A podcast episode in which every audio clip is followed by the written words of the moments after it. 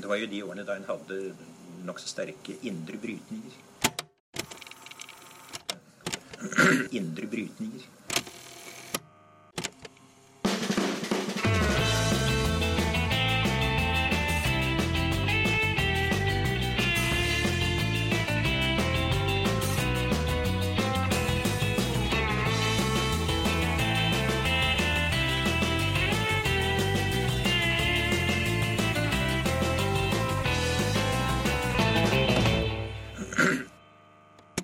Velkommen til Noen har snakket sammen. Mitt navn er Tiril Russland Halvorsen. Og jeg heter Aksel Fjellavli.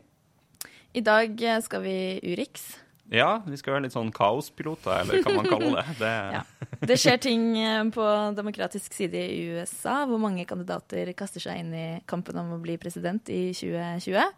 Og i Labour så har det Um, er det syv MPs som har eh, gått ut av partiet og dannet noe de kaller en independent group. Ja, det er ganske spennende. Så det kommer Øyvind Brattberg fra UiO å snakke om, og Tor Steinhovden skal fortelle litt om, om disse amerikanske kandidatene.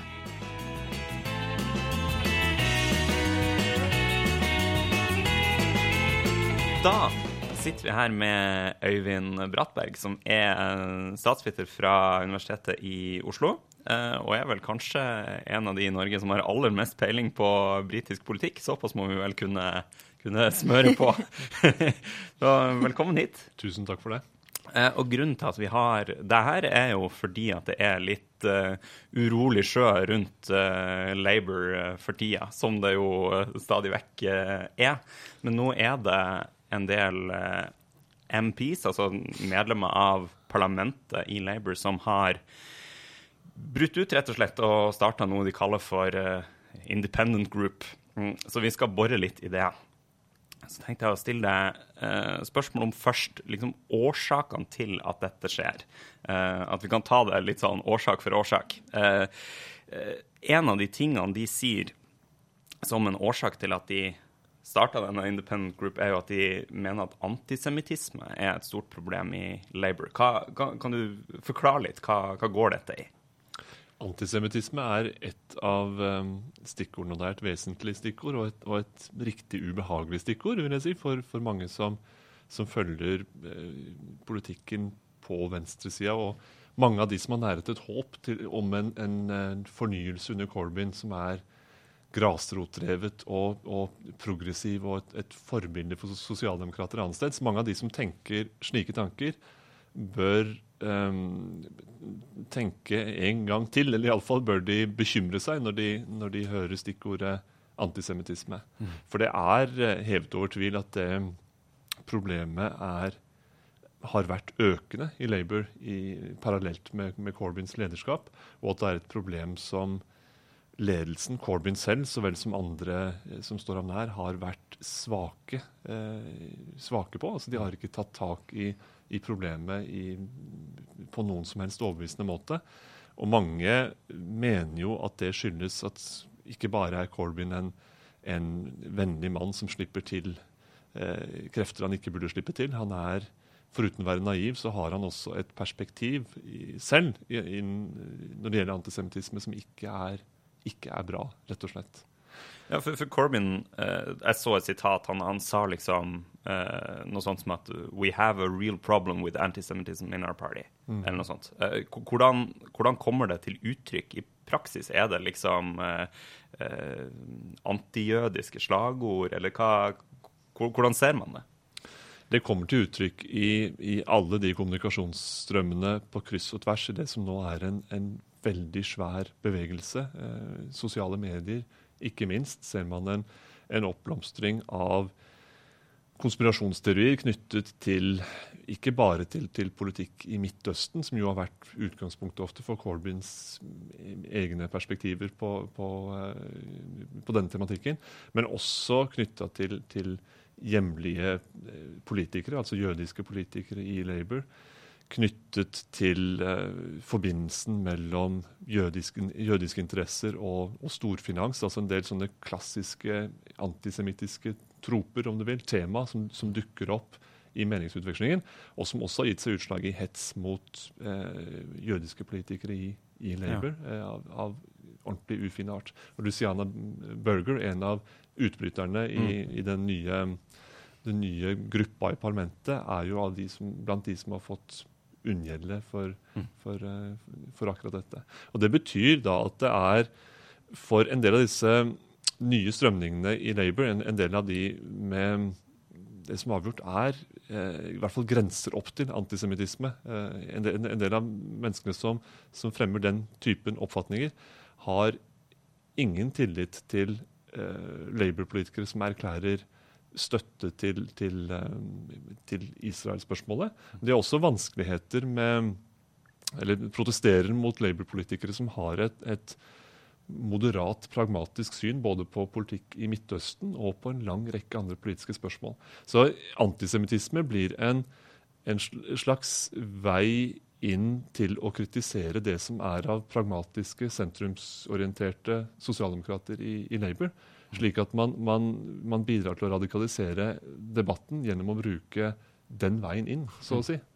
Men eh, jeg, jeg tenker liksom sånn eh, Disse utbryterne fra Labour, hvis de hadde hatt tillit til at ledelsen i partiet rydda opp i dette på en ordentlig måte, eh, så ville det jo kunne blitt i partiet og sagt at vi, vi tror at dette blir ordna opp i, vi har et problem, men dette, dette blir bedre. Så er jo en del av kritikken knytta til Corbyn spesielt, og det er jo ikke bare antisemittisme. Hva er liksom den bredere eh, kritikken da disse eh, har? Omkring antisemittismespørsmålet, bare for å ta det først, så er jo, bunner jo noe av kritikken i at, at uh, Corbyn um, er politisk naiv i at han slipper, uh, at han slipper til krefter som, som han burde satt opp en barriere mot. Altså Han har en lang karriere, lang politisk karriere hvor han har, har hatt en slags anti-amerikansk imperialismeinnretning på det, og anti-britisk imperialisme. Noe som betyr at han f.eks. på et tidlig tidspunkt har, har eh, leflet med det som var vold, voldelige grupperinger i IRA, for den saks skyld. Men også i Midtøsten, at han har eh, knyttet bånd til Hamas bl.a. Og, og ført en anti-israelsk linje, som, som da bidrar til, mener mange, å åpne døren for mørkere krefter, som ikke bare er kritiske til Israel, men som bruker det til, til å, å føre en antisemittisk eh, argumentasjon, rett og slett, som angriper jøder på bred front. Og det synes ikke Corbyn å ha rakt nok rygg til å stå opp mot. Så det er en del av, av eh, problemet. Og det vitner jo også, mener mange, om en mangel på lederskap og politisk gangsyn. At Corbyn bør, bør forstå eh, faren i disse politiske strømningene og, og evne å, å, å stoppe dem.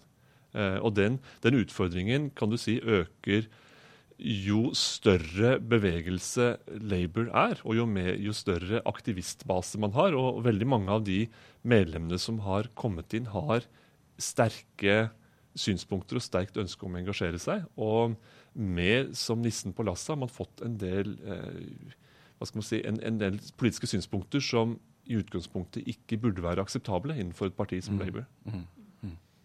Eh, eh, eller vi hadde jo eh, Nick Brandal og Chris White på podkasten her i september. Eh, da hadde de vært på Labour sin annual conference. Eh, og da spurte jeg Nick om eh, det var Corbyn som var den som skapte den politiske splittelsen i partiet.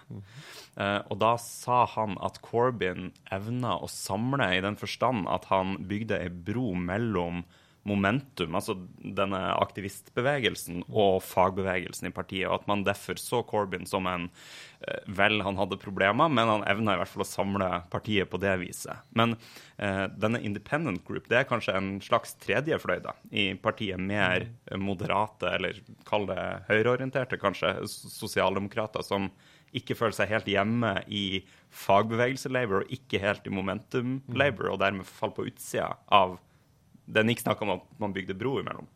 Det er et veldig interessant perspektiv, fordi um, Corbyn er på et vis um, Han er samlende på noen uh, måter hvor det slår heldig, slår heldig ut, som ved forrige parlamentsvalg, men han er dypt splittende på, på andre måter. Når han er samlende, så handler det i veldig stor grad om å utvikle en hjemlig politikk i favør av the underdog. Altså en politikk som, mm. som er um, omfordelende, som styrker velferdsstaten, som gir håp til unge mennesker som er marginalisert i dag. En, en hjemlig politikk på bred front som, som, ble på mange måter oppsummert i forrige valgs valgprogram, og som ga et kjemperesultat. Mm. Han er dog splittende når det, når det gjelder um, utenrikspolitiske spørsmål som, som interessant nok er, er, det Corbyn selv er mest opptatt av. Ofte er mer, mer opptatt av, av, av, store internasjonale spørsmål, enten det er Latin-Amerika, Russland, Midtøsten eh, eller andre spørsmål knyttet til, til den internasjonale arenaen. Og der er det langt større konflikt omkring ham. Og han er også splittende når det gjelder, gjelder konkrete Eh, av de stridsspørsmålene som, som eh, ligger til grunn for Independent Group, både antisemittisme, Israel, Midtøsten-spørsmålet der, og brexit, Europa-spørsmålet. Så så snart det kommer opp denne typen konkrete eh, debatter, så åpner det seg en, en bruddflate mellom ulike grupper i koalisjonen Corbyn, kan du si. Mm. Hvor, hvor, fagbevegelsen har sin hjemlige velferdsstatsagenda og også ønsker et nært og tett forhold til eh, Europa. Momentum har en agenda som handler om radikal demokratisk fornyelse og samfunnsomveltning, og det er deres, eh, deres greie. Mm. Mens denne siste hva skal man si, gjenværende moderate gruppen ønsker først og fremst å drive valgbar eh, reformpolitikk, noe som, kan, noe som, på mange måter er de små skritts politikk. Mm. Eh, klassisk sosialdemokrati. Og også ja, moderat på en lang rekke av de spørsmålene hvor spesielt Momentum ønsker å trekke i radikal retning. Er dette det vi vil kjenne som kanskje en Blair-fløy i partiet, eller blir det upresist å si? Deler Altså, det som finnes av etterlevninger av New Labour, befinner seg åpenbart i den, mm. i den, fløyen. Og det er jo noe som bidrar til mistenkeliggjøring også. Er det dette folk som vil trekke Labour baklengs tilbake til det som var, eller er de bare på et vis en slags sånn kontinuitetsbærere som ønsker sosialdemokrati og ikke, og ikke radikale løsninger, eller er de først og fremst internasjonale, eller internasjonale sosialdemokrater, slik man ellers kjenner eh, europeiske venner. Det er ulike syn på det, men det som finnes av, av eh, etterlevninger av New Labour, befinner seg her, mm. utvilsomt. Mm. Mm. Vi har jo vi har jo eh, dansa litt rundt eh, elefanten så langt du sneia så vidt innom det. Men brexit er jo helt åpenbart eh, et eh, viktig tema også her. Er, hvor, hvor, skiller de lag med partiets linje? Og hva er partiets linje? ja, Det er også et spørsmål.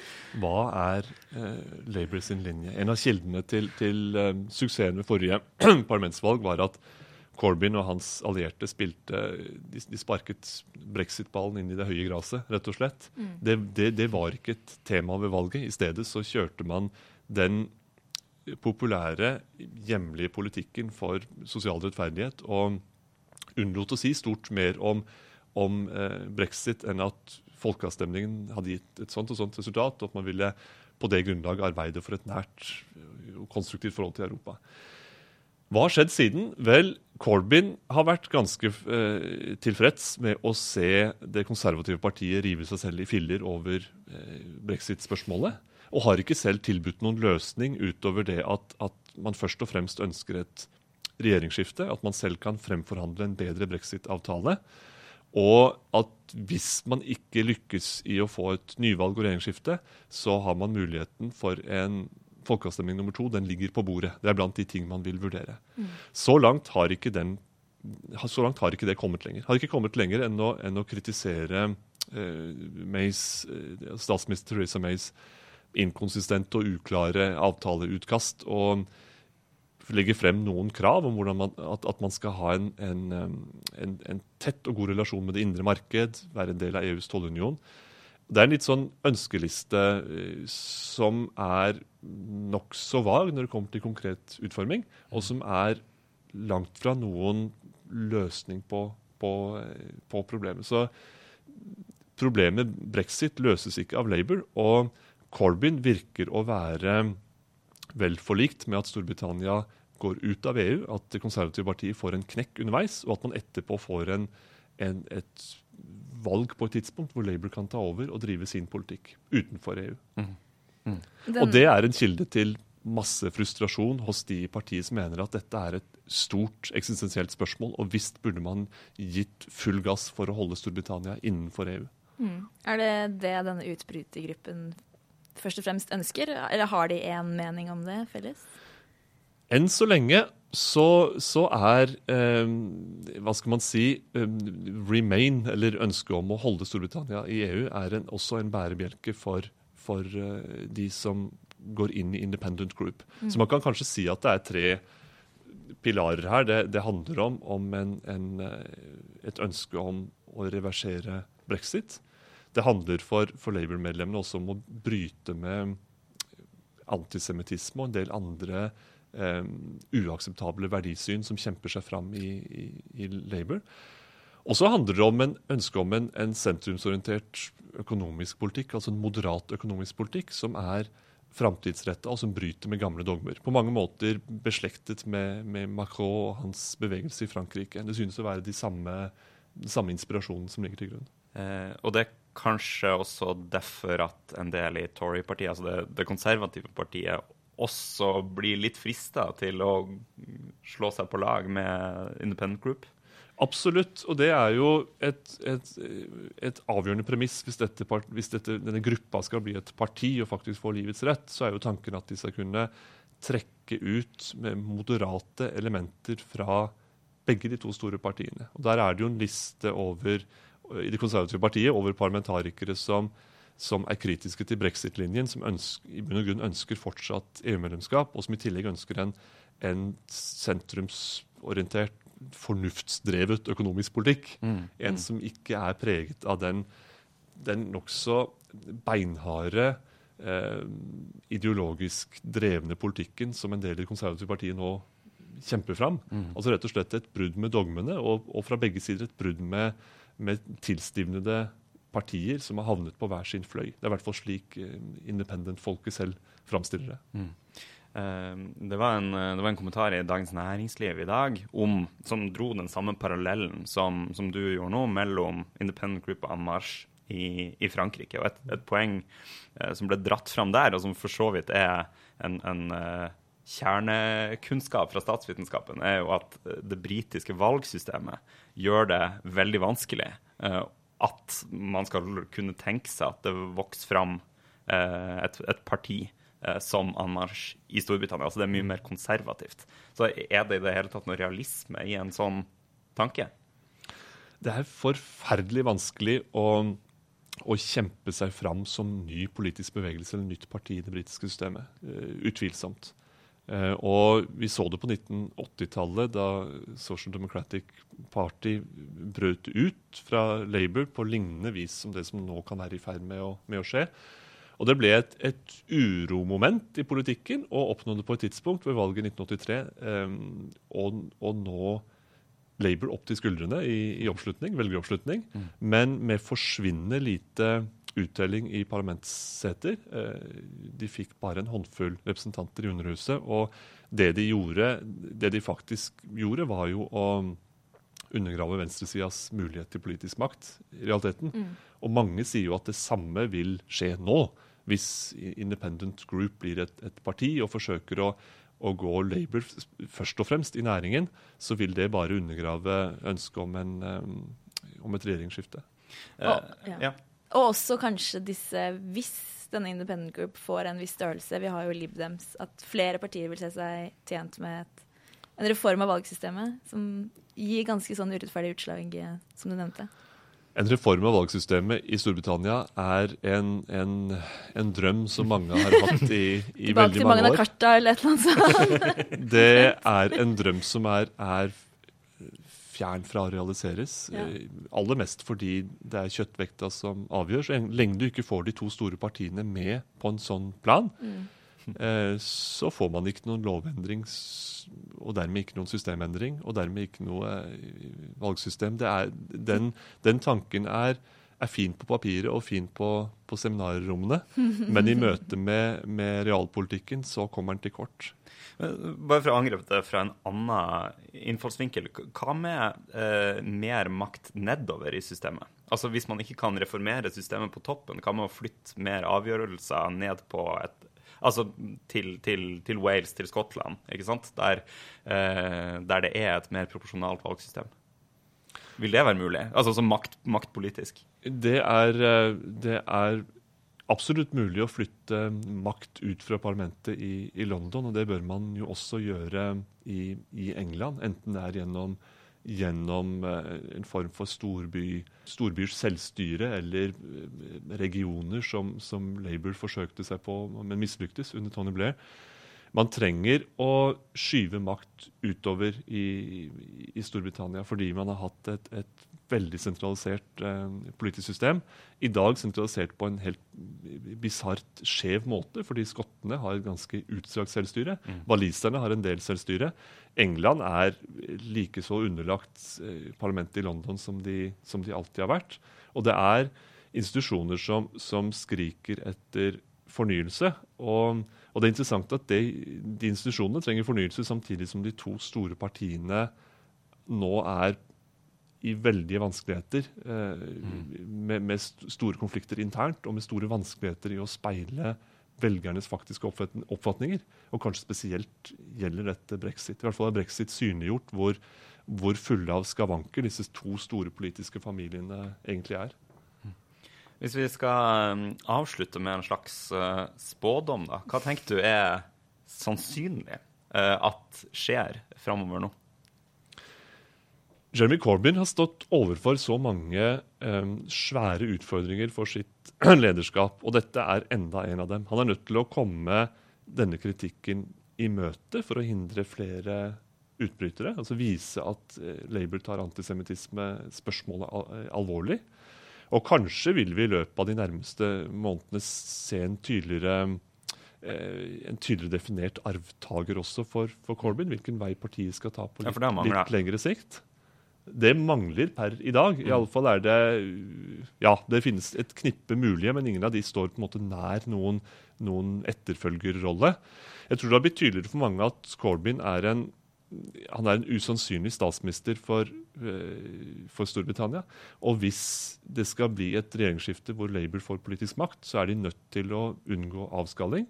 Og de er på sikt sannsynligvis nødt til å finne en, en, um, en leder som evner å bringe folk sammen og ikke, ikke, splitte dem. Til tross for at Corbyn på mange måter også har vært en, en gedigen stemmevinner og mobilisator for, for Labour, så tror jeg dette, denne krisen er et tegn på at Labour som politisk bevegelse trenger en, en, eh, de trenger en tross alt en samlende kurs hvis de skal vinne politisk makt.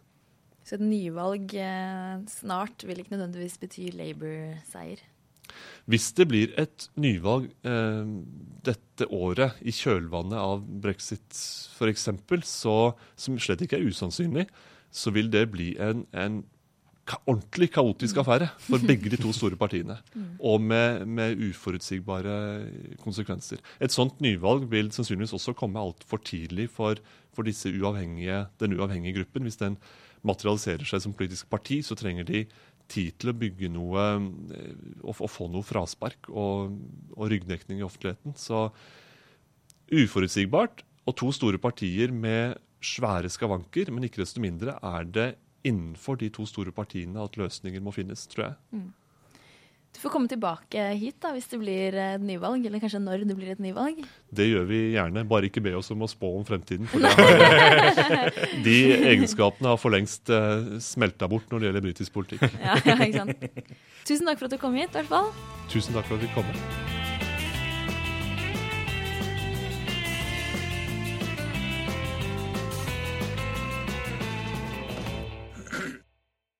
Som nevnt så har det jo eh, strømmet på med kandidater eh, for Det demokratiske partiet frem mot eh, det neste presidentvalget i USA. Og Tor, du har jo sett litt nærmere på disse. I går senest så kom jo Bernie Sanders, 77 år gammel. Vi kjenner jo han fra forrige presidentvalgkamp, men han prøver seg nå igjen. Hillary er ikke her lenger. Har han noe sjanse, tror du? Det, det, er jo et stort spørsmål hvordan velgerne vil ta imot Bernie i år. Eh, forrige valg, så, som du påpeker, så var jo han den ene ensomme utfordreren til Hillary Clinton og hadde på en måte monopol på den rollen.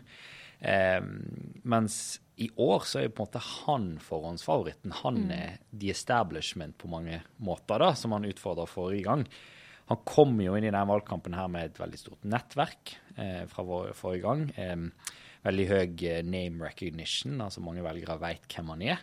Eh, han har masse penger i banken, eh, og han er, har vært en premissleverandør de siste årene på, på ny politikk hos demokratene. Um, og Samtidig så, så, er jo ikke han denne utfordreren han har vært, nettopp pga. alle de tingene jeg nevner. Og det er i tillegg veldig mange andre kandidater, som vi sikkert skal komme inn på her, eh, som gjør at han ikke lenger kan ha monopol på utfordrerrolla. Så hvordan han vil klare seg i den eh, mer sånn eh, the establishment-rolla, det er jeg litt usikker på. Jeg tror nok at den valgkampen her vil være minst like tøff for han som den forrige. Og bare for å ta en gammel mann til, da, før vi går over på de nye og freshe ansiktene. Joe Biden. Det ryktes at han også kommer til å stille. Mm. Og han har jo vært populær eh, veldig lenge.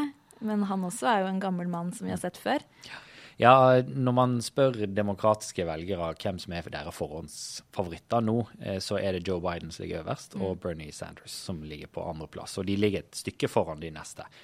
Joe Biden ville jo vært den klart mest erfarne kandidaten i det heatet her. Eh, og, og, er veldig godt likt av demokratiske velgere. Men han er faktisk enda litt eldre enn Bernie Sanders, som de jo sier. og han har stilt som presidentkandidat veldig mange ganger, og har alltid, for å si det litt sånn pent, drete på draget. Han har jo ikke blitt valgt før. Um, og i 2016 så handla valget veldig masse om at vi Hillary Clintons valgkamp var bygd opp på en måte som at det, eh, hovedbudskapet var alt annet enn Trump. Dere velger meg for, for å se på Trump, var mye av det budskapet hun kjørte. Så kan man argumentere for og imot det, men mye av det var, var, var en kjerne av valgkampen. Og Hvis nå demokratene skal komme med en Joe Biden som er 77 år gammel, og f.eks. si at han skal kun stille for én periode fordi vi må få ut Trump, men han er så gammel at han erkjenner at han kan ikke være i lenger enn en periode. Mm. Så tenker jeg det er veldig lite framtidsvisjonært, og at mm. demokratene kanskje heller bør satse på noe nytt. Eh, og har veldig mange kvalifiserte kvinnelige kandidater, hvis jeg kan legge til det òg, for en gangs skyld. Eh, og, um, og, så vil folk argumenterer for at nå er ikke tida for å eksperimentere. Nå er det tida for å satse på noe sikkert, sånn at vi er sikre på at vi blir kvitt Trump. Men det dilemmaet vil alltid være der i valgkamper. Og hvis demokratene alltid skal gjøre det, som de gjorde i 2016 mm. til dels med Hillary Clinton, så, så, kommer de nok ikke til å skape et parti for framtida som har unge kandidater som kan komme opp i, i kjølvannet av de her eldre mennene. Ja, fordi Man kan jo si at demokratene er i en heldig situasjon sånn sett. at det er ganske mange eh, potensielle kandidater, og ganske gode kandidater også, vil eh, mange si. Kan ikke mm. du si noe om hvem de andre ti er da, som har meldt seg til nå. Ja, det er jo elleve totalt, som du sier, hittil. Så kan det være at det kommer et par til. Hvis f.eks. Biden kommer inn, så er vi på tolv. Republikanerne hadde vel 17 ved forrige valg. Eh, så jeg, jeg, tenker jo selv at det holder rikelig med de som er her nå. Mm. Um, fem av de er kvinner, som du har påpekt.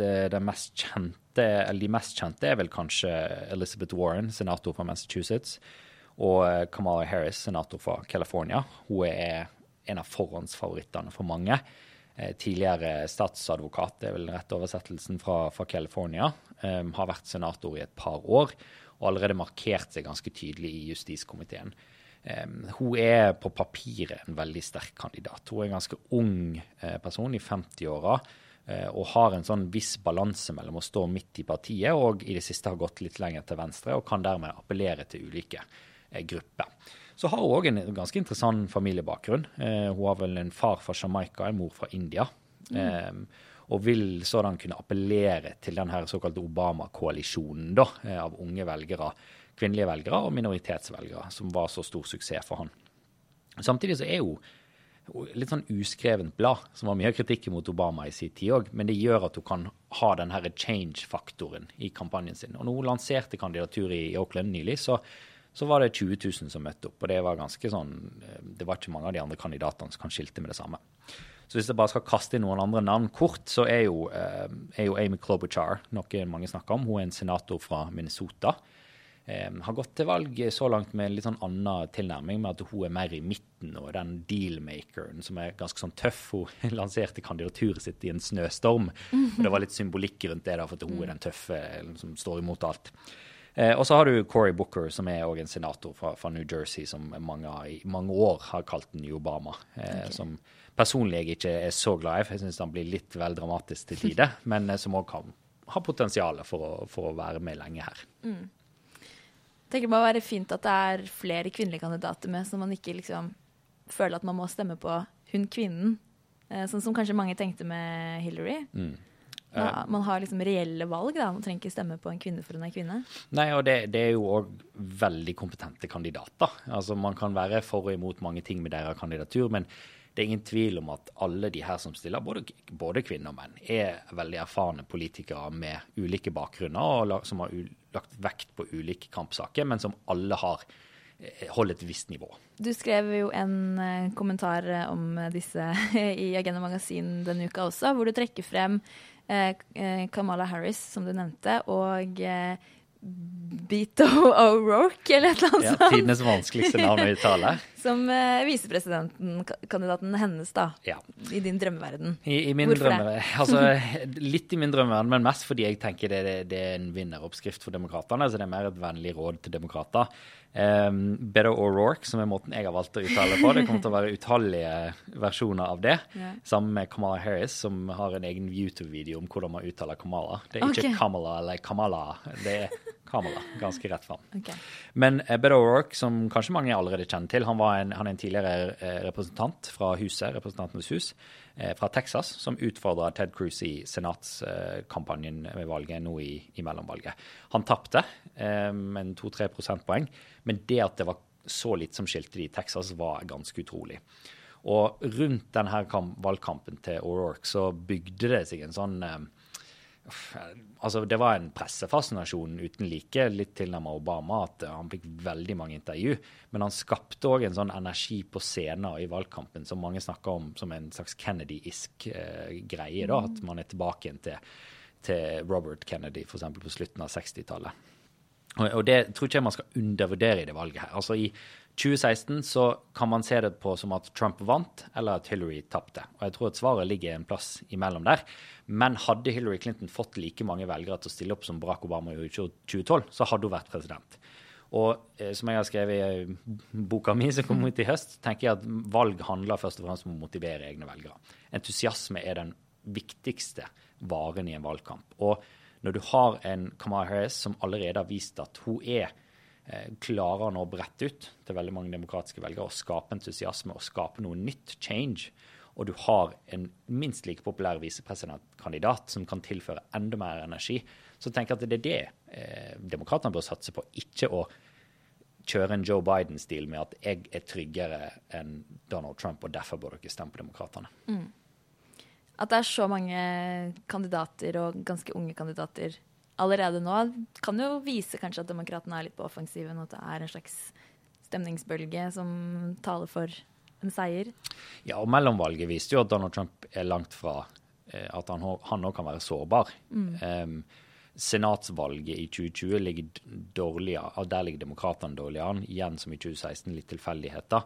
Men akkurat nå vil jeg si at demokratene er favoritter til å slå Trump i 2020 hvis de klarer å vekke til live deler av sine eh, tidligere koalisjoner. Um, Er valgkampmaskineriet på en måte allerede i gang? ja, vi er jo begynt. Um, noen av de kandidatene her har sagt at de skal utforske muligheten for å erklære et kandidatur. Andre, sånn som Bernie Sanders, har forstått som at han bare erklærte at han er kandidat. Det vil jo nå pågå fram et år, fram mot januar neste år, når det første primærvalget begynner. Eh, og innen da så vil nok forhåpentligvis ganske mange demokrater være borte. Men valgkampen er starta nå. Debattene kommer i sommer. Det vil bli mer og mer snakk om det her. Så folk behøver ikke kanskje å spisse ørene med det første, for det er veldig mange å holde styr på, men man kan kanskje begynne å se litt nærmere på noen av dem. Eh, Da anbefaler jeg å lese den teksten din eh, som en guide. Ja, på Agenda Magasin. Ja. Tusen takk for at du kom. Eh, Det blir veldig spennende å se eh, hvem som ender opp på topp. Absolutt. Har du noe å anbefale før vi avslutter, Aksel? Ja, det har jeg faktisk. Eh, Bandet Pet Shop Boys de har kommet med en EP som heter Agenda, tilfeldigvis. Så jeg tenkte å anbefale en sang derfra som heter What Are We gonna, uh, What Are We Going To Do About The Rich? Med tekstlinjer som They're avoiding paying taxes while the welfare state collapses. Var det den som kom opp på retrivetreffet vårt uh, Ja, det på var det. jobbing? Gøy.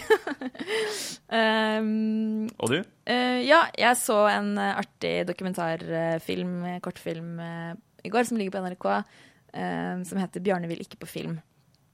Det er da en, en polsk dame som flytter til Olden.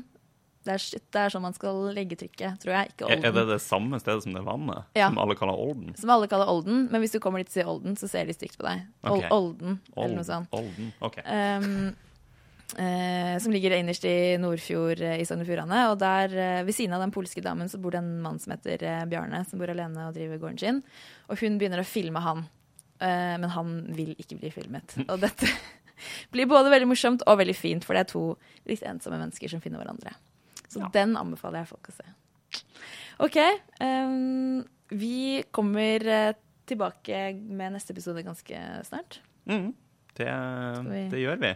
Uh, med ingen ringere enn en Martin Kolberg spesial. Martin Kolberg spesial, fordi han blir 70 år uh, faktisk eh, søndag 24. februar. Um, så vi får jubilanten i studio. Det tror jeg blir veldig gøy. Ja.